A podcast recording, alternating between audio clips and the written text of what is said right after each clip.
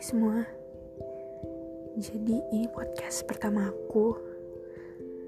Karena baru pertama aku masih bingung gitu mau ceritain apa ke kalian.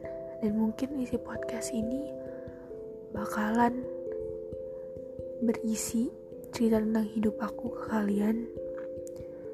Dan hope hope you like it. Dan semoga podcast ini bisa nemenin kalian. Ngegalau ya. Oke jadi sampai ketemu di podcast selanjutnya. Terima kasih